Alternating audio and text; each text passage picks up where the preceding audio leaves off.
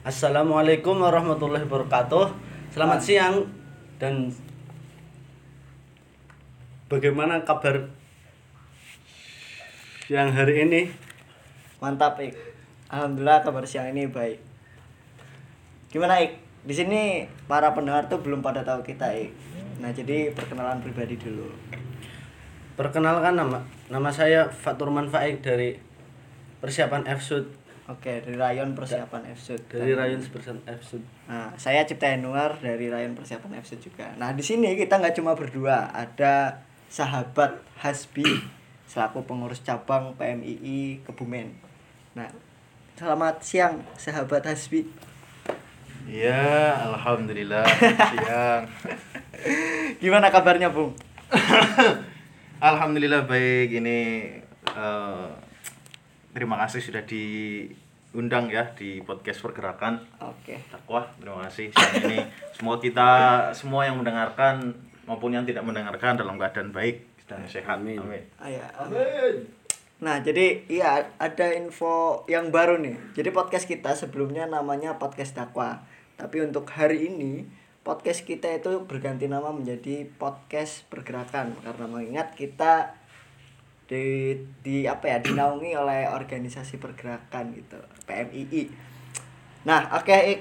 kita mau tanya-tanya apa Ik sama sahabat Hasbi. Tema podcast kita itu Mahasiswa di era digitalisasi. Oke, mahasiswa di era digitalisasi. Kita tanya-tanya santai Ik, sama sahabat Hasbi. Sudah ngapain aja Bung selama jadi mahasiswa? Ya, terima kasih sahabat Faik. Eh, ini izin memperkenalkan diri ya. Tadi saya belum memperkenalkan diri. Ah, ya. Saya Hasbi Muhammad Hasbi Minanur Rahman ya, biasa dipanggil Hasbi. Saya dari PC ya. Kebetulan saya diamanahi jadi sekretaris cabang, sekretaris umum cabang hari ini di kepengurusannya Mas Aris ya sebagai ketua cabang. Dan terkait tadi ya pertanyaannya dan tema kita yang menarik sekali itu menurut saya karena eh, digitalisasi digitalisasi itu adalah hal yang baru ya termasuk di era ini. Terus kemudian pertanyaan tadi sudah ngapain aja ya? Ini sebagai pertanyaan awal saya pikir saya ngapain aja di kampus itu mungkin nggak bisa dijelaskan di podcast ini ya se se komprehensif mungkin saya paling cuma menjelaskan terkait dengan em, ya sedikit lah apa yang saya pernah lakukan dulu di kampus. Mungkin saya dulu pernah jadi salah satunya ya di organisasi itu saya pernah jadi ketua HMPS PAI Yeno Kebumen. Terus kemudian saya juga pernah jadi ketua eh, senat mahasiswa Yeno Kebumen ya institut. Dan saya juga pernah jadi anggota dari seluruh UKM di Kebumen kecuali UKM teater, UKM dakwah, eh ya ding UKM dakwah ya, UKM apa itu yang naik gunung, UKM apa Mapala. daki, Mapala. UKM UKM Mapala, Mapala. ya UKM Mapala sama UKM Pramuka. Racana. Oh iya Racana. ya UKM sama UKM Racana. Yang lain saya ikut semua. Terus kemudian saya sering ngapain ya? Saya otomatis ya sesuai sebagai mahasiswa, saya masuk kuliah, ya keluar, masuk, keluar, masuk, keluar, masuk. Terus kemudian juga kadang ya main-main ke perpustakaan lah. Biar dikatain orang pinter. Oke. Ya itulah yang saya lakukan. itu selama ikut semua UKM capek nggak, Bung? Atau cuma ikut pendaftaran tok, Bung? Alhamdulillah saya ikut semua kegiatan yang ada di UKM. Ya bisa dikatakan lumayan capek. Tapi tujuan saya waktu itu adalah mengenal semua teman-teman yang ada di UKM dan ingin tahu sebenarnya UKM itu isinya apa aja, kegiatannya apa aja. Jadi saya ikut semua. Itu sekitar satu semester mungkin ya. Satu semester saya ikut full kegiatan, terutama di dakwah itu semua divisi-divisi saya ikut. Divisi apa? Hadroh ya saya pernah jadi vokalis di sana salam buat sahabat-sahabat saya terus kemudian setelah saya agak ini apa namanya agak mengurangi porsi di UKM saya kemudian eh, memilih aktif karena saya jadi ketua ya memilih aktif di HMPS dan kemudian senat dan terutama ya lebih aktif itu saya di eh, PMII Pergerakan Mahasiswa Islam Indonesia di tingkat komisariat. Kalau awal sih dulu saya korup ya. Saya korup terus kemudian masuk di komisariat. Mapaba kalau boleh tahu semester berapa, Bu? Mapapa wah jelas semester awal. Saya sangat Oh, tertarik awal. dengan PMII waktu itu. Widih. Karena menurut saya itu PMI itu adalah hal yang baru, hal yang eh, mesti saya harus terjun di situ. Hal yang salah satunya membuat saya tertarik waktu itu adalah saya harus ikut demo waktu itu. Karena lama dan penasaran di jalanan itu seperti apa sih, panasnya seperti apa. Terus kemudian menurut eh, pemateri waktu saya PBHK dulu, eh, ospek ya dulu istilahnya, itu turun di jalan itu dipentungi sama polisi dan seterusnya. Saya penasaran waktu itu, apa bener sih? Gitu. Terus kemudian saya ikut, nah, kebetulan juga fasilitator saya PMI, dan terus kemudian difasilitasi ikut PMI. Dan kebetulan juga waktu itu kan bayar 50.000 ribu. Nah waktu itu saya nggak punya uang. Eh kok tiba-tiba waktu di depan pendaftaran ada uang 50.000 ribu. Pas. Mungkin itu anugerah Tuhan dan petunjuk dari Tuhan untuk saya ikut PMI. Widih. Ya tidak sombong tapi Ngeri nemu duit 50.000 ribu untuk Mapaba. ya, sambil ngopi lah ya. Siap, Bung. Itu kita sediakan spesial. Ya buat teman-teman yang nggak ngopi ya susu aja. yang yang kedua mahasiswa itu sebenarnya harus ngapain entah tidur ngerungokna dosen ngomong apa bagaimana itu Oh Nah, gimana itu, Bung? Mahasiswa itu sebenarnya harus apa, Bung? Atau mencoba semua UKM seperti yang dilakukan oleh sahabat Hasbi? Iya, iya, iya, iya, iya. Ini perspektifnya saya ya, bukan perspektifnya dosen. Kalau dosen Oke. mungkin harus apa namanya? eh, harus masuk kuliah dan seterusnya. Kalau perspektif saya ini pribadi ya kalau menurut saya mahasiswa itu ya sebisa mungkin sih harus ikut organisasi. Ya karena tanpa ikut organisasi orang besar sekali bersoekarno, sekali ber eh, Mbah Hasim Asy'ari dan seterusnya lah pemimpin-pemimpin dunia itu ya kemungkinan besar mereka tidak akan menjadi orang yang besar dan tidak memiliki nama yang besar. Wah kemudian sahabat-sahabat di eh, mahasiswa kalau bisa ikut organisasi. Kalau bisa, kalau memang nggak bisa ya ikut organisasi di desa minimal yang berbentuk komunitas begitu. Oke, berarti menurut sahabat Hasbi ini mahasiswa paling tidak harus ikut organisasi ya, Bung? Mm-mm. Tidak harus organisasi di kampus, tapi lebih baik ikut organisasi yang di kampus, Bung. Ya karena kita kan di kampus. Nah, betul. kita di kampus kita sudah di apa namanya sudah membayar UKM dan seterusnya lah kita intinya kita sudah membayar dan difasilitasi sama kampus kalau nggak dimanfaatkan yo eman-eman gitu yang yang ketiga itu bagaimana Bung melihat perkembangan digitalisasi sampai hari ini? Alhamdulillah Digitalisasi. ya. digiltasi yang saya pahami itu. Aduh, Wah, ini ini ngobrol yang santai aja lah ya. Nggak usah serius-serius lah. Kita juga eh, apa namanya hal kalau yang terlalu serius itu menurut saya nggak masuk jadi lebih baik kita ngobrol yang santai-santai aja guyon lah ya Siap. Ya betul sih digiltasi itu. Digitalisasi. Oh iya maaf maaf. Digit apa? digitalisasi Ya, Digitalisasi. saya ulangi biar tidak diketahui. Oke. Digil digitalisasi itu di era sekarang ya. ap- eh, menurut saya itu sebenarnya itu efek sebenarnya. Efek dari adanya kalau dalam istilah filsafat itu dinamakan sebagai disruption. Ya, per- ya tercerabutnya akar atau perpindahan yang tadinya di aktivitas di realita atau yang konvensional istilahnya itu kemudian berubah atau pindah ke dunia digital.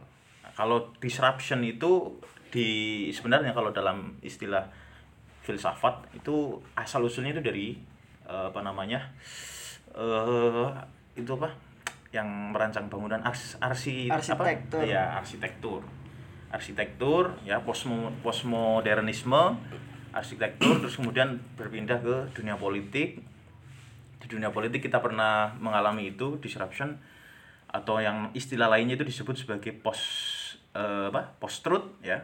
Di apa namanya di Jakarta dulu pernah itu pas waktu pemilihannya Anies Baswedan sama siapa? Ahok. Ahok. Ya benar. Waktu itu.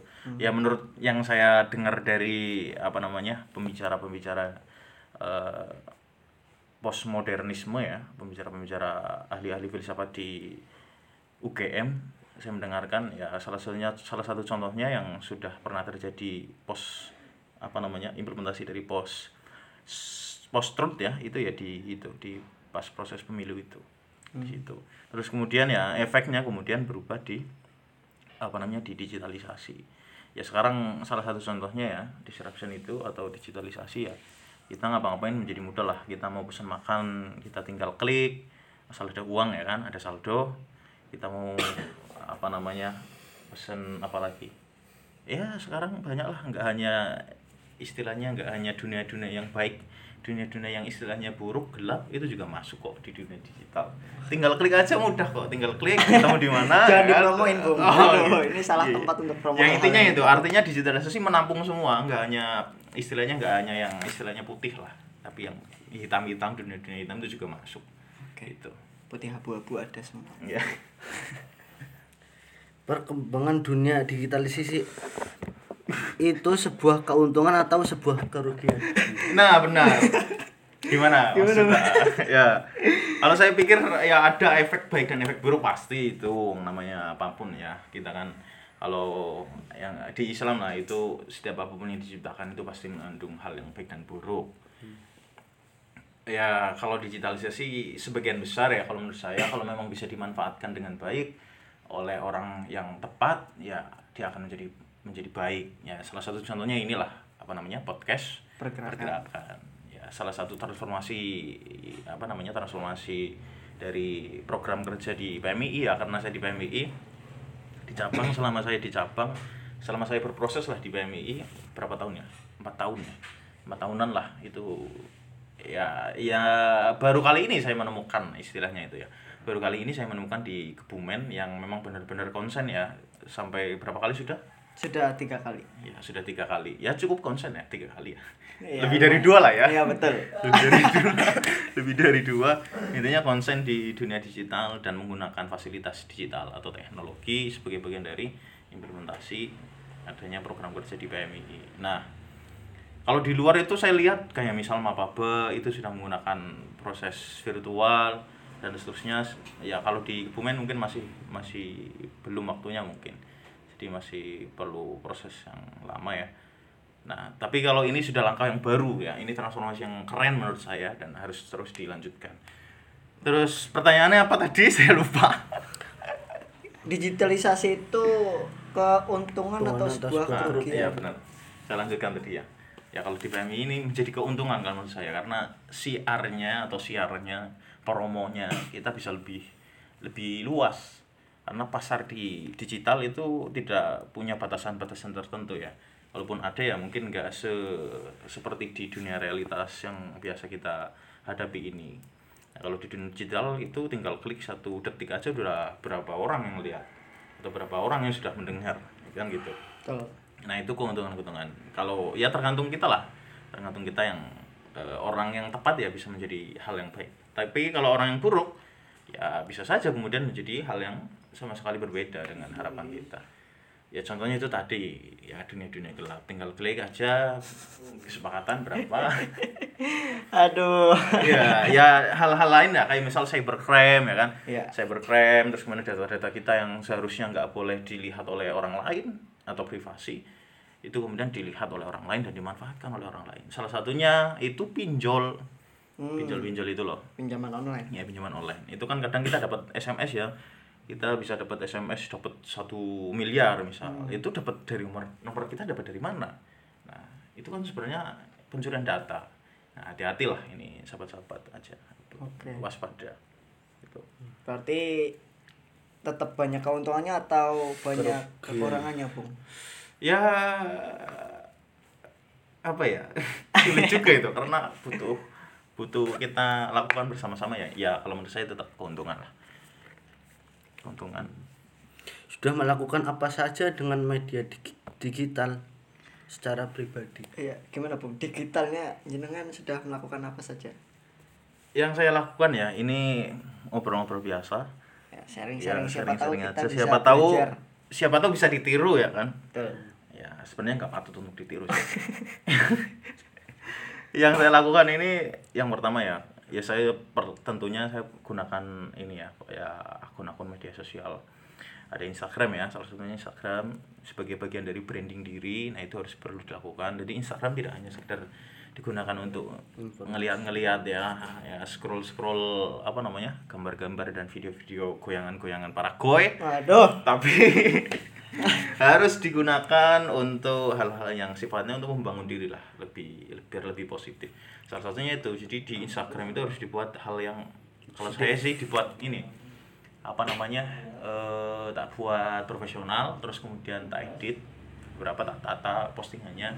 Itu kemudian kalau memang fokus kita misalnya saya ya fokusnya mau menjadi penulis misal ya saya buat aja langsung. Jadi Instagram saya itu menjadi profil saya nah ketika sahabat-sahabat atau orang lain mencari saya sebenarnya Hasbi itu seperti apa sih apakah dia punya skill dan seterusnya apa buktinya dan seterusnya nah foto-foto kita tampilkan di Instagram Nah, makanya kemudian tinggal lihat Instagram saya @minan underscore hasbi Aduh. Nah, begitu. Sekalian promo. Nah, kan tinggal dilihat, oh iya, oh ya Hasbi ini, ini, ini, ini, sudah pernah ini, sudah pernah ini, karyanya ini, dan seterusnya. Nah, itu yang saya lakukan salah satunya. Terus kemudian, ya mengambil peluang ya, banyak lah. Ini teman-teman PMI sekarang juga sudah mulai sadar akan peluang di dunia digital. Salah satunya eh, lewat Instagram, kemudian lewat eh, apa namanya? Facebook media Ya. sosial lainnya tulisan-tulisan yang dikirim ya kemudian juga ada teman-teman yang lain yang kemudian juga konsen di dunia jurnalis online ya tapi dan seterusnya lah sudah ada peningkatan ya di dunia ini sahabat-sahabat sahabat-sahabat kita di PMI dan kemudian kalau saya lagi ya selain itu tadi itu yang terpenting itu adalah eh, digitalisasi atau ya istilahnya mungkin lebih spesifik saya ya itu media sosial atau akun-akun yang disediakan oleh pihak-pihak pl- platform-platform tertentu itu intinya saya gunakan sebagai bagian dari cara saya untuk berkarya Oke, berarti bisa digunakan sebagai branding diri ya, Bang. ya?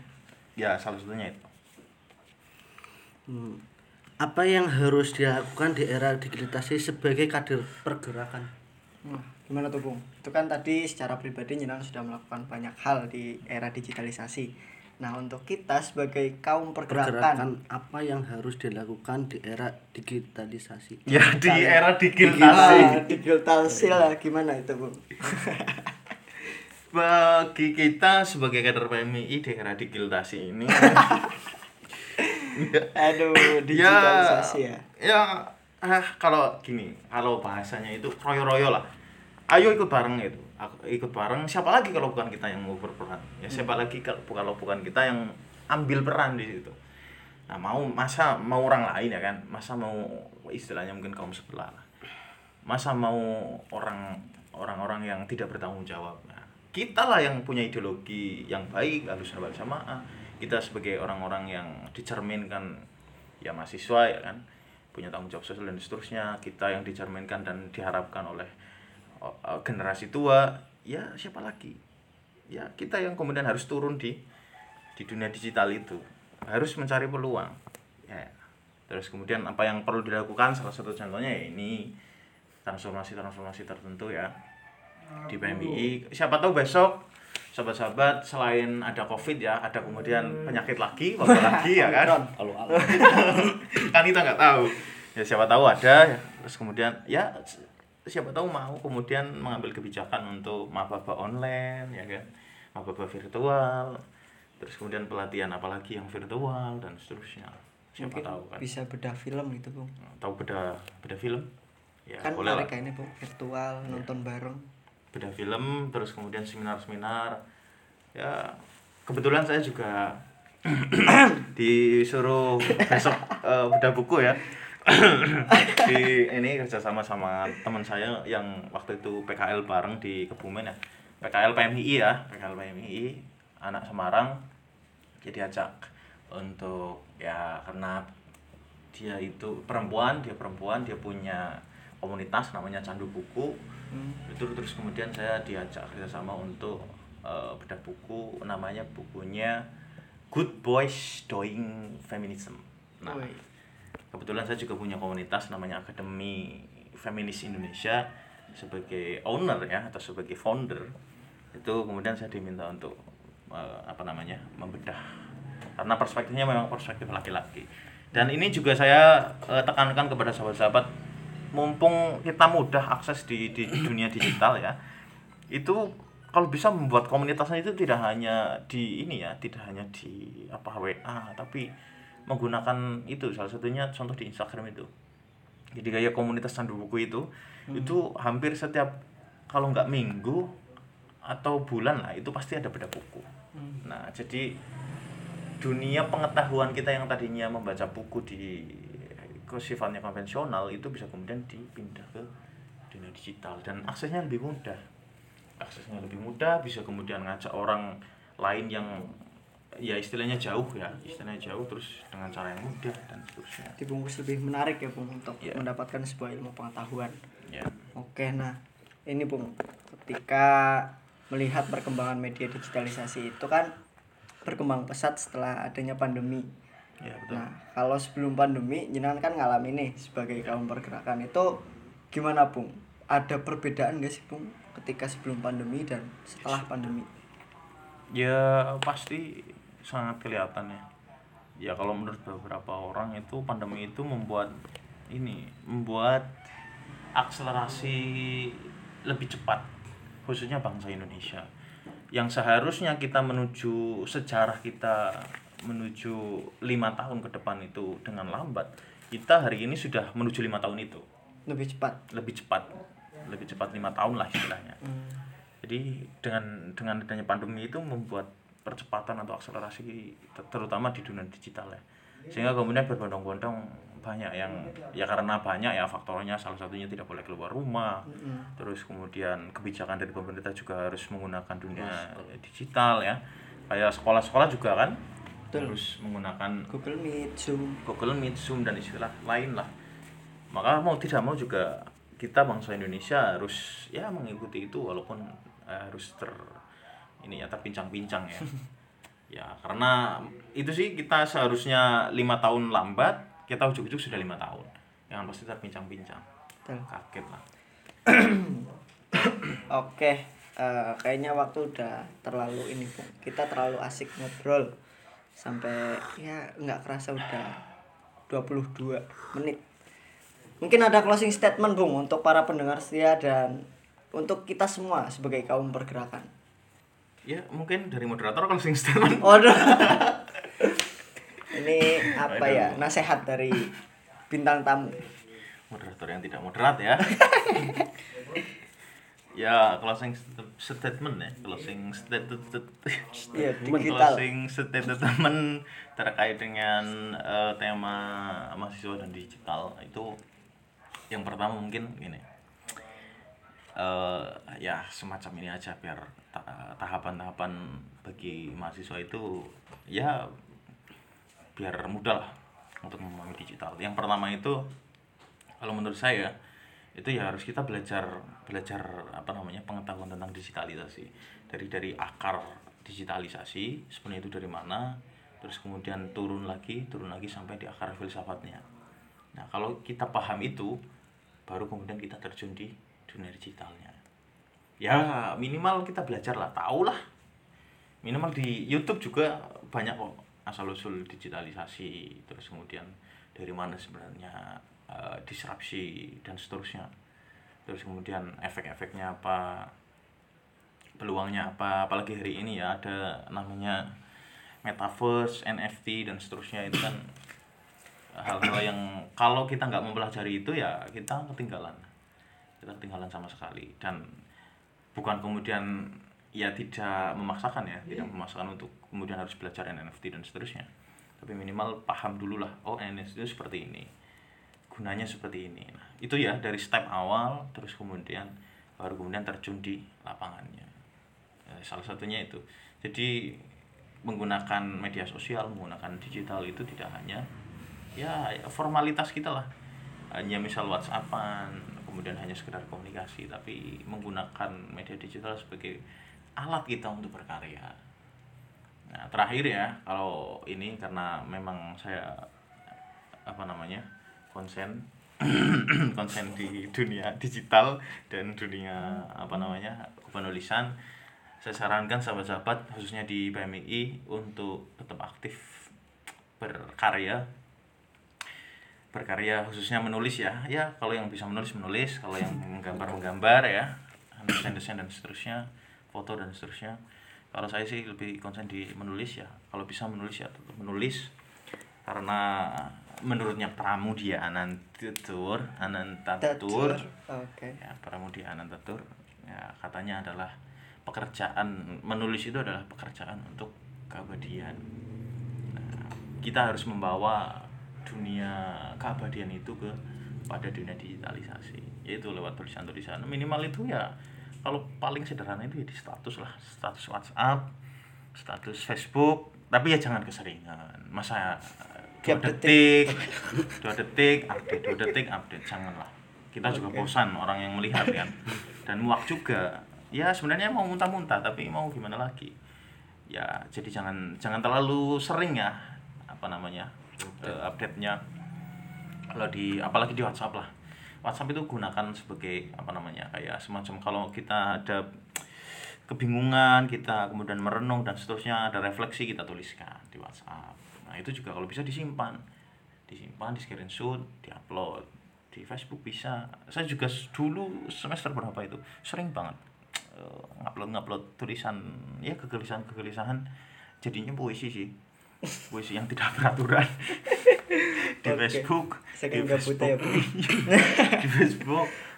Dan WhatsApp WhatsApp saya juga banyak sih sebenarnya tulisan-tulisan dulu. Saya kemudian screenshot pindah di Facebook biar nggak hilang itu tujuan saya sih besok mau tak bukukan ya. Nah ini mungkin bisa menjadi catatan bagi sahabat-sahabat. Kalau mau kegelisahannya itu daripada dicurhatkan nggak didengarkan ya kan? Penting ditulis.